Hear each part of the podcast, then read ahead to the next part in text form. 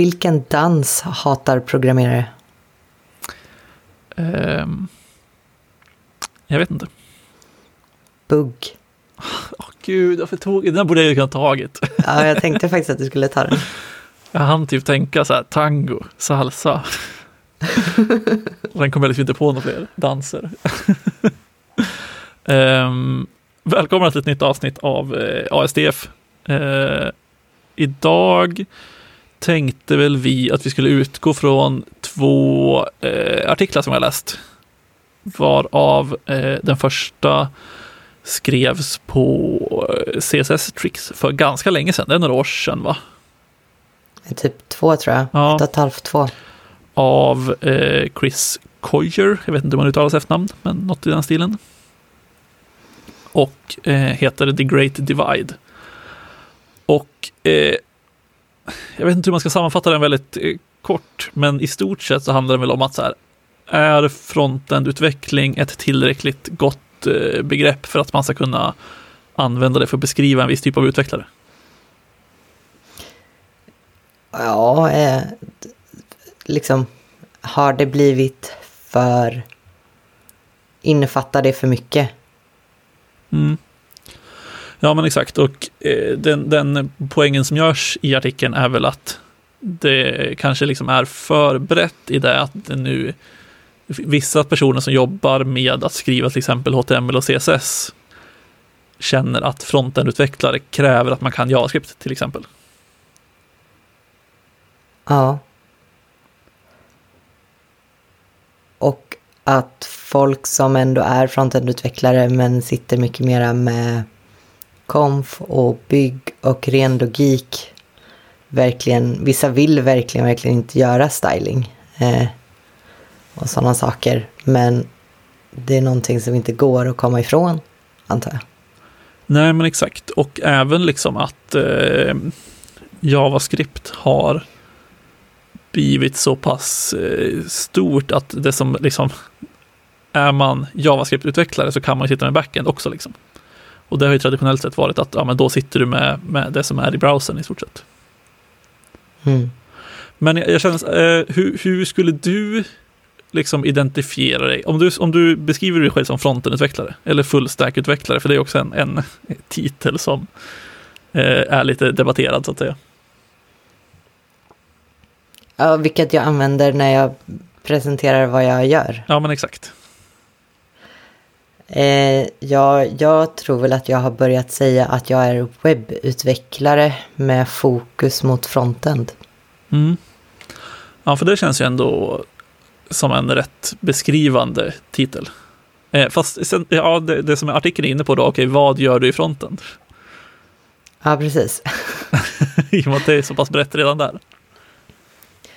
För jag tror att jag, alltså webb, webbutvecklare började väl kalla mig för att jag var så, det var så svårt att kalla mig för fullstackutvecklare. Så redan mm. där var det väl eh, ett problem liksom för att jag har suttit mestadels frontend. Men liksom vad jag gör i frontend eh, beror ju väldigt mycket på vad jag har för uppdrag och vad de vill att jag ska fokusera på där liksom.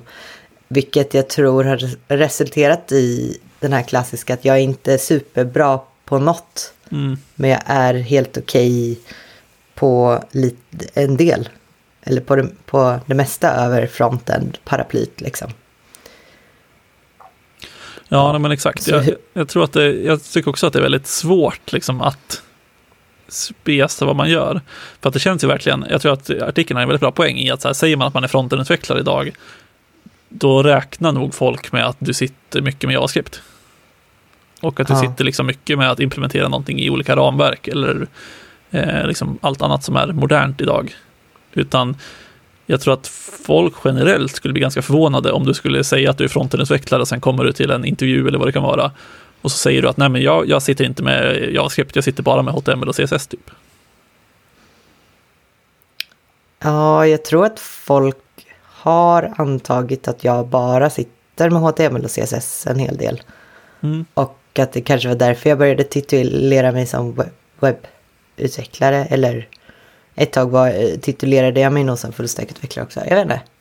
Va, vad presenterar du dig som? Eh, jag vet inte, jag försöker undvika titlar. Eh, jag tror att i mitt konsult-CV tror jag det står fullstackutvecklare med frontend-fokus eller något sånt där. Men det säger ju inte heller någonting egentligen. För att alltså Backendmässigt kan man ju, jag kan ju, jag kan ju backenden i typ .NET och Node lite grann till exempel. Eh, men är det en backend i Ruby till exempel, som eh, hos kunden jag sitter på nu, där kan jag ju såklart göra saker, men det är mycket svårare för mig att ta det. Alltså det är en högre tröskel för mig att sätta mig in i det. Även om jag liksom förstår backend-frågor kanske på ett annat sätt. Men, men så att jag är liksom, jag vet inte, kanske en titel som kanske skulle funka är typ så här, full stack JavaScript-utvecklare. Ja.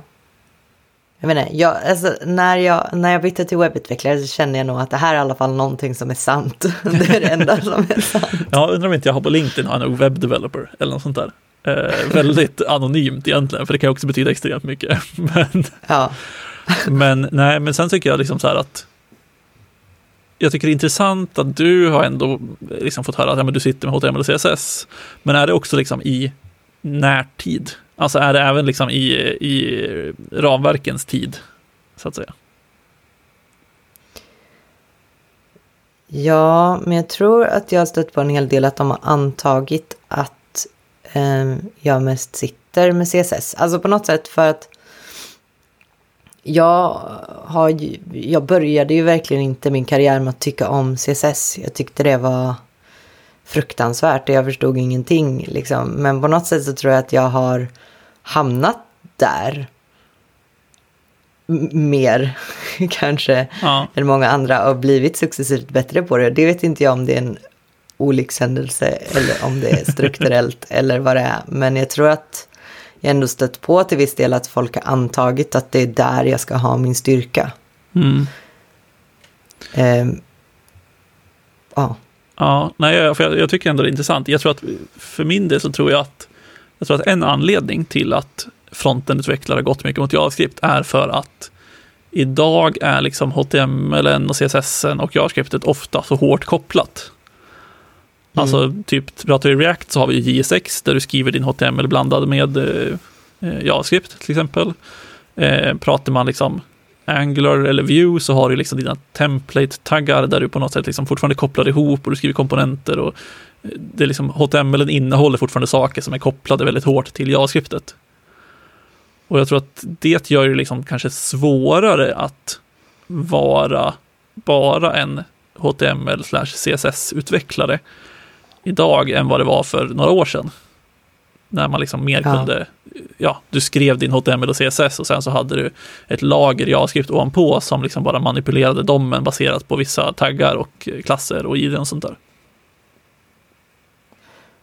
Ja, jag, jag, tycker det där är lite intressant för det är på något sätt som att eh, Alltså när jag började min karriär då, då kom jag in i ett system som var mycket, det var en enorm eh, Java microservice-arkitektur. Och sen så var det en helt enorm frontend-applikation liksom, på där som var svår och tung och det var, det var backbone, JS och så. Och där fick jag alltid känslan av att vi kall, alla kallades, alla var fullstack-utvecklare liksom.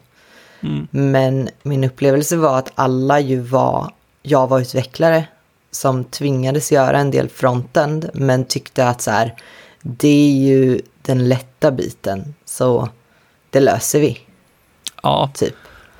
verkligen. Och, Känner igen mig. ja, men, men så var det ju mycket. Och nu känns det som att om vi pratar frontend-utvecklare så är det att vi tänker att ja, ja, men JavaScript och allt det, det är den svåra biten. Och HTML och CSS, det löser vi ju. Bara. Och jag menar, allt det här är ju fel för att så som det har vuxit fronten, det är ju inte den lätta biten nödvändigtvis. Och HTML och CSS är ju absolut inte det. Vi har ju problem med att vi inte kan semantisk HTML idag skulle jag säga. Ja, men exakt. Jag tycker det är två bra poänger du har. Det ena tycker jag först att jag, att jag känner igen mig så oerhört väl i det här med att fullstack-utvecklare traditionellt sett har varit backendare som har lärt sig lite frontend. Eh, mm och tänker att ja, men det, är inte så, det är inte så svårt, eller det är ganska lätt att skriva lite frontend-kod som bara kopplar ihop det här. Eh, och att då har man varit fullstackare. Alltså liksom, om man skulle generalisera alla fullstackare så tror jag att det är fler som har gått backend, lärt sig lite frontend, än som har varit kunnat frontend och lärt sig lite backend. Ja. Det, det tror jag ändå är en, en eh, åsikt jag kan stå för, så att säga. Eh, och underbygga med anekdoter. Men eh, sen tror jag att den andra poängen du gör också så här att ja, frontenutveckling är liksom mycket mer idag. Så att den där, vad ska man säga, den om, om klyftan tidigare var kanske mellan backend och fronten så kanske det idag är mellan liksom frontend eh, logiken och vy-lagret, så att säga, alltså HTML och CSS. Eh, mm. Och att den klyftan kanske blivit större för att man fokuserar mer på JavaScriptet. Och det, det tar oss lite in på, bara för att nämna den andra artikeln vi pratade lite grann om i början, som heter eh, The front of the frontend and the back of the frontend. Exakt. Eller något sånt. Va? Något sånt, skriven av Brad Frost, om jag minns rätt. Och eh, han pratade om att man ska införa två nya titlar som då är ja, Front of the Frontender och Back of the Frontender. Och att eh, en, nu parafraserar jag lite grann här, men att en front, alltså det som är Front the Frontend i stort sett är liksom att man bygger eh, komponenter och inte så mycket logik utan kanske så här styla knappar och göra knappar och sen så, men när, vad som händer när man trycker på knappen det ansvarar en back of the frontend för. Och liksom den logiken ja. och state-hanteringen och routing och sådana där saker. Men att det ändå ingår viss JavaScript för eh, liksom vi eh, lösa vi-problem. Ja men typ som en eh, accordion kanske. Ja, men exakt. Det skulle liksom kunna fortfarande vara en front of the frontend fråga när man bygger en ackordion, för då blir det JavaScript för att hantera vilket som är öppen och state och sånt där. Men det blir också väldigt, alltså så här, man lägger lite mer tyngd på att det är mer som krävs, alltså som du var inne på innan, att till exempel med accessibility eller liksom semantisk HTML och allting sånt som ingår där. Eh, men att man liksom separerar den biten från då det här state-hantering och skriva API-anrop och dataflöden och allting sånt som också finns i fronten idag och är liksom väldigt eh, komplicerat. Mm.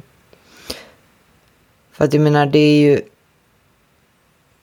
Jag tror det finns ett sånt otroligt värde i att, liksom, om, om intresset finns, att få gräva ner sig i saker. För att ta en sån sak som eh, performance.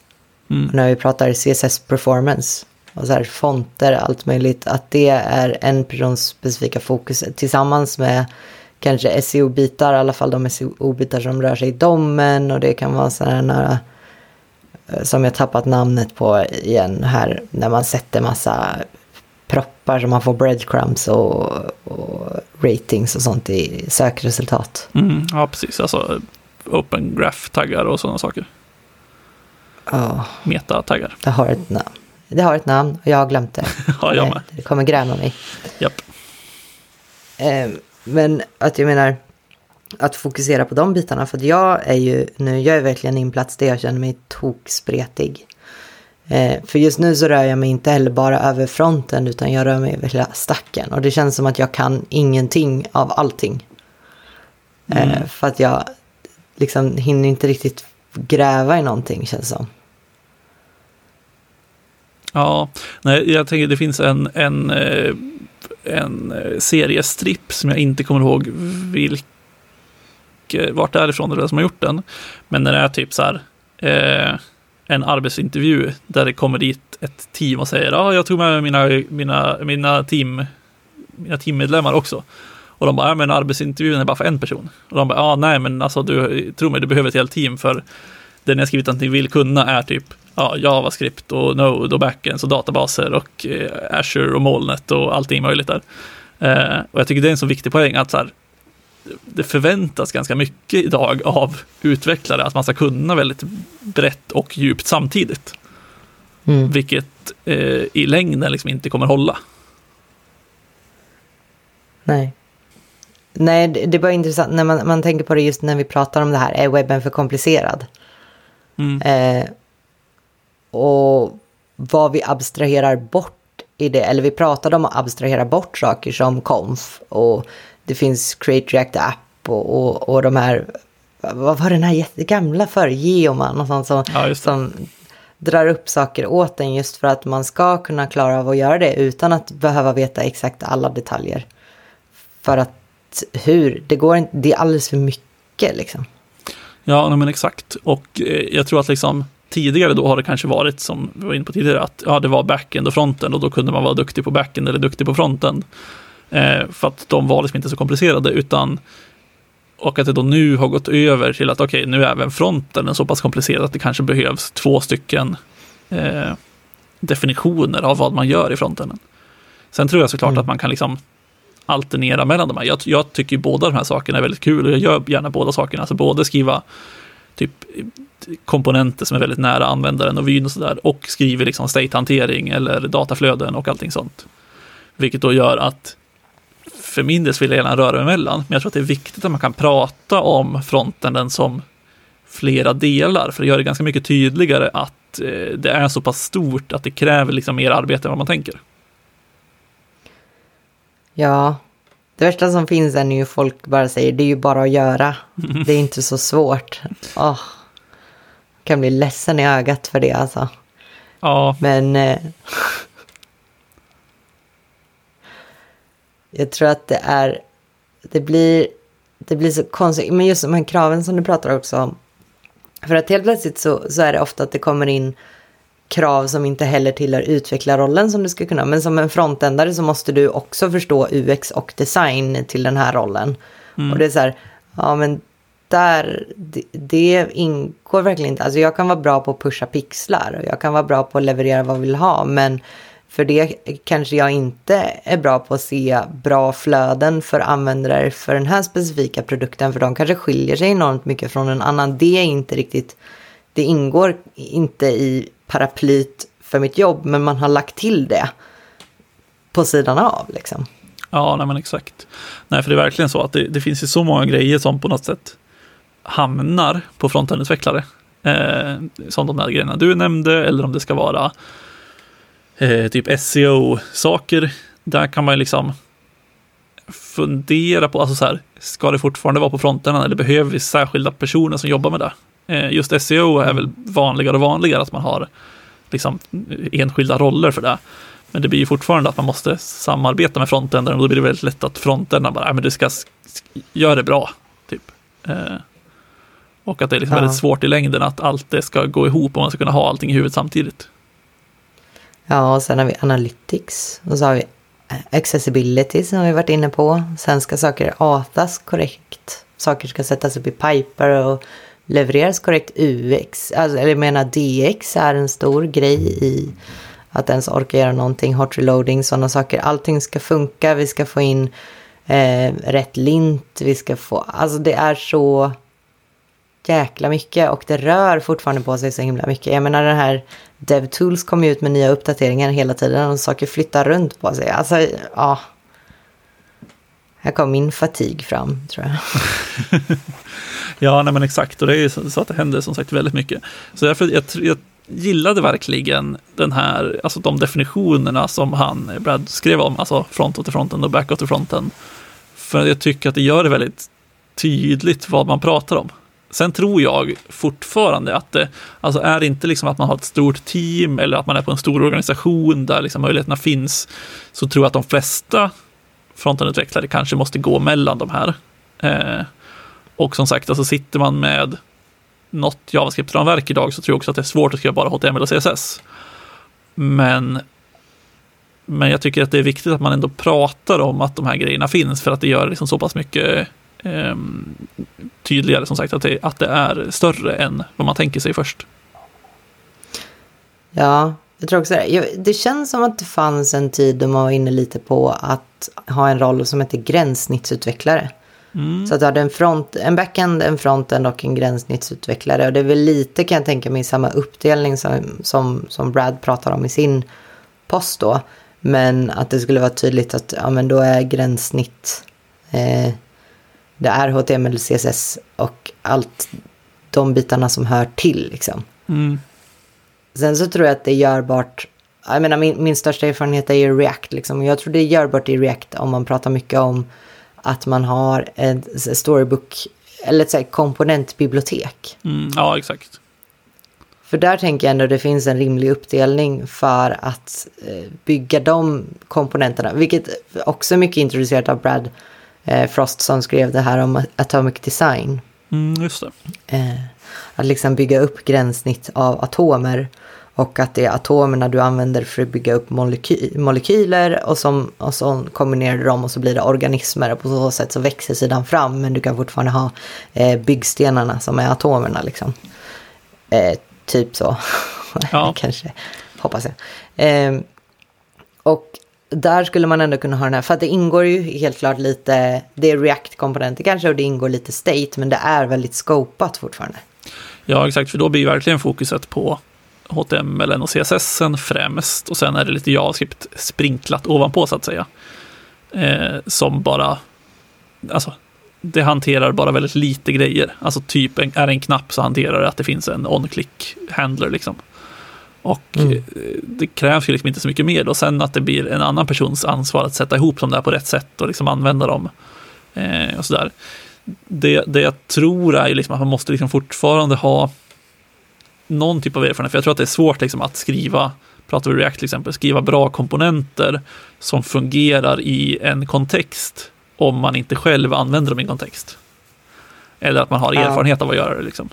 Så jag tror fortfarande att det krävs liksom att man kanske inte bara sitter och skriver liksom lite knappkomponenter eh, för att hårdra det, utan det krävs nog kanske att man även, eh, för att köra hans eh, Atomic Design-exempel, att man använder atomerna som eh, molekyler eller till och med organismer.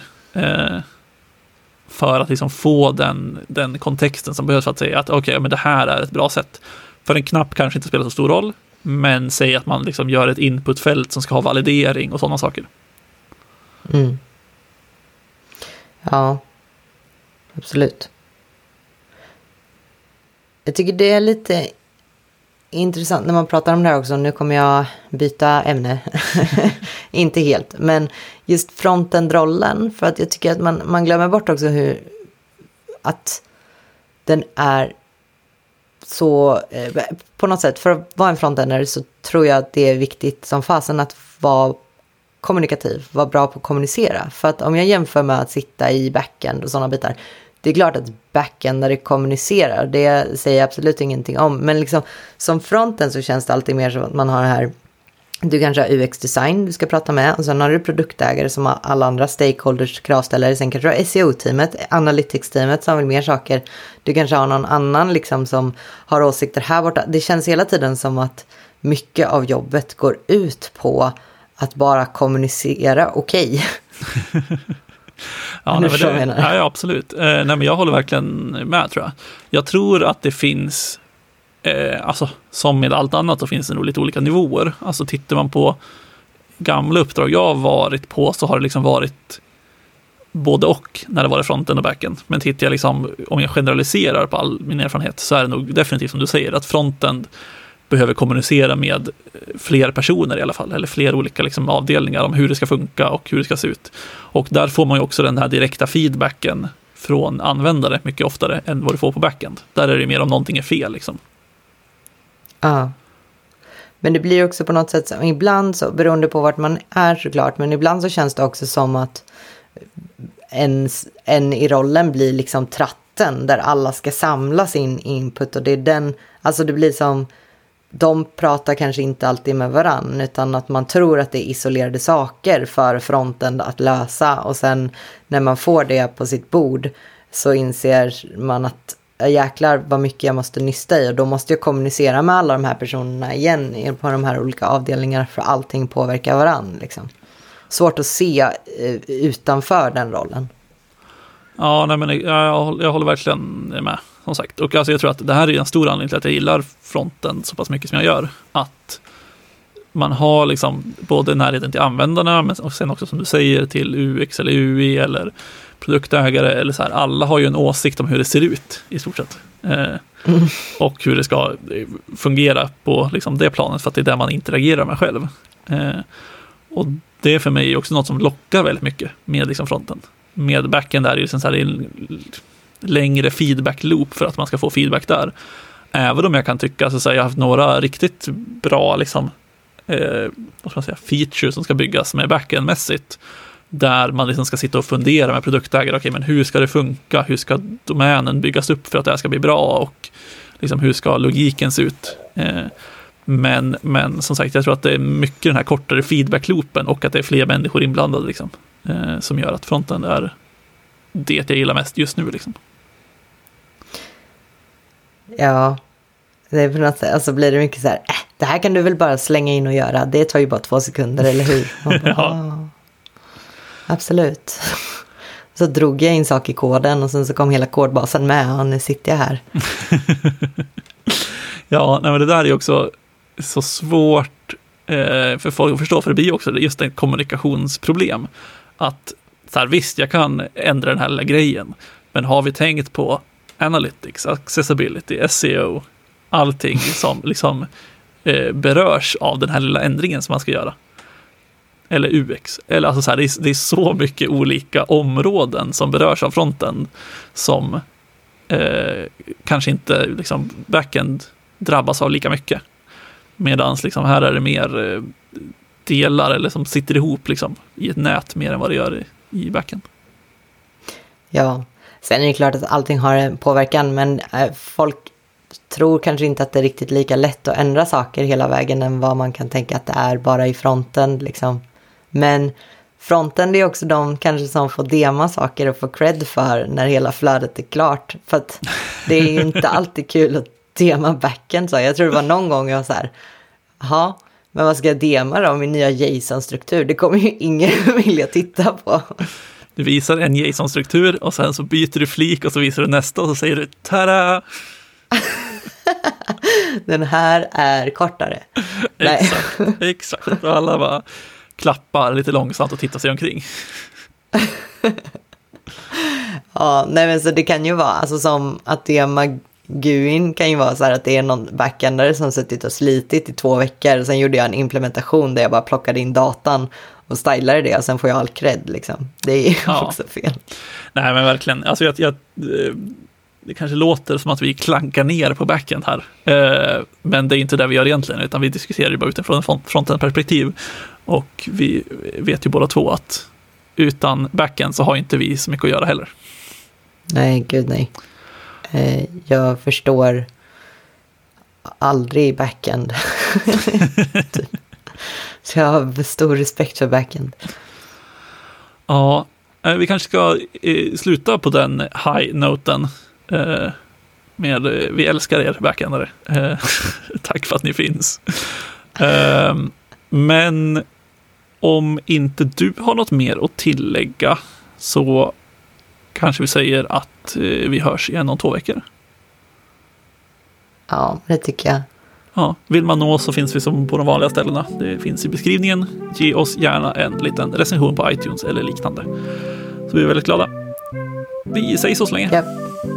Back in the best. Hej då. Hej då.